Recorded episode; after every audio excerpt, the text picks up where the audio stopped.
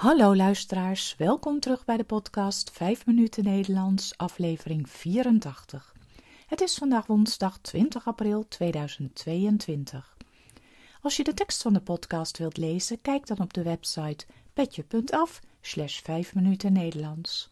Als je de teksten van eerdere podcast wilt ontvangen of vragen hebt, stuur dan een e-mail naar 5minutennl.gmail.com.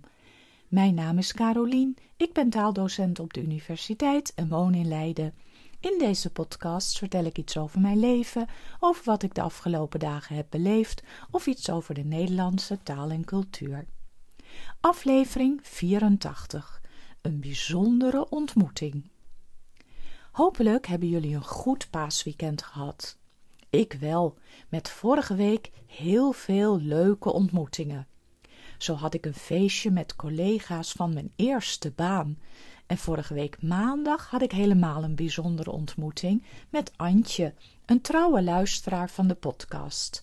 Ze is docent Nederlands in Duitsland en gebruikt mijn podcast regelmatig in haar lessen. We hadden alles contact per e-mail gehad en een poosje geleden mailde ze me dat ze naar Nederland zou komen en of ik misschien tijd had om samen een kopje koffie te drinken. En zo gezegd, zo gedaan. Afgelopen maandagmorgen hadden we afgesproken bij Anne en Max een gezellig koffietentje in Leiden. Ik kwam aangefietst en dacht bij mezelf: zal ik haar eigenlijk wel herkennen? Nou, ik ben gewoon binnen gaan zitten aan een tafeltje bij het raam en ik zat er nog maar net toen Antje aankwam lopen. Ze zwaaide en zo hadden we meteen door dat we samen een afspraak hadden. Het was ontzettend gezellig. We hebben natuurlijk over de podcast gesproken, over Nederlands leren en over allerlei andere dingen. Zo bleken we allebei een liefde voor Latijn te hebben. Latijn wordt niet meer gesproken, dus het gaat alleen om leesvaardigheid. Je leert de teksten te lezen en te begrijpen. In veel landen wordt Latijn of Grieks niet meer aangeboden als vak op de middelbare school, maar in Nederland is het nog een verplicht vak op het gymnasium. Ook hebben we gesproken over het koninklijk huis. Is dat nog wel iets van deze moderne tijd? Dat is een discussie die hier vaak wordt gevoerd. Er zijn veel mensen die vinden dat het koningshuis ouderwets is en te veel geld kost.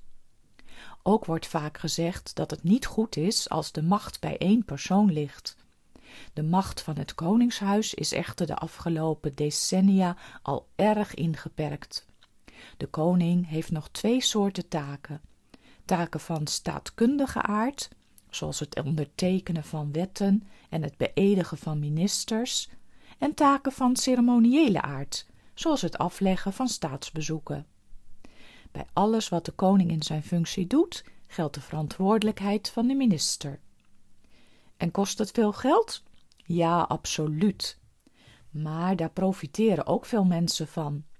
Zo gaat er bij een staatsbezoek altijd een hele delegatie mee van mensen die bijvoorbeeld handelscontacten leggen in het betreffende land.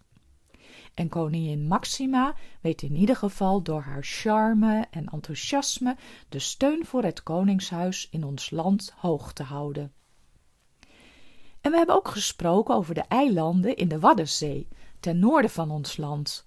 Hier liggen vijf prachtige eilanden. Veel Nederlanders weten de volgorde van de eilanden niet op te noemen, maar Antje wel hoor. Ze had ooit een ezelsbruggetje gehoord, Teftas of TV-tas, Tessel, Vlieland, Terschelling, Ameland en Schiermonnikoog. Dit ezelsbruggetje kende ik niet en ik vond het heel grappig dat ik dit van een docent uit Duitsland moest horen. Zelf ben ik vaak op Schiermonnikoog geweest. Dat is de kleinste van alle eilanden en het is er schitterend. Heel mooie natuur en bijna geen auto's, want alleen de bewoners van het eiland mogen er met de auto komen. Alle eilanden liggen in de Waddenzee, waar nog veel zeehonden leven. In Pieterburen, in het noorden van Groningen, vind je het zeehondencentrum. Hier worden zeehonden opgevangen als ze ziek zijn of andere hulp nodig hebben. Ooit is een mevrouw begonnen met een tuiltje water in haar achtertuin om de zeehonden op te vangen. En nu is het een professioneel opvangcentrum. Mocht je ooit in de buurt zijn, dan is het zeker de moeite waard om een bezoekje te brengen aan dit centrum. Zo zie je maar, mijn maandagochtend werd een hele bijzondere start van de week, waar een podcast al niet toe leidt. Mocht je ook eens in de buurt zijn, laat het me weten. Ik ben altijd in voor een kopje koffie.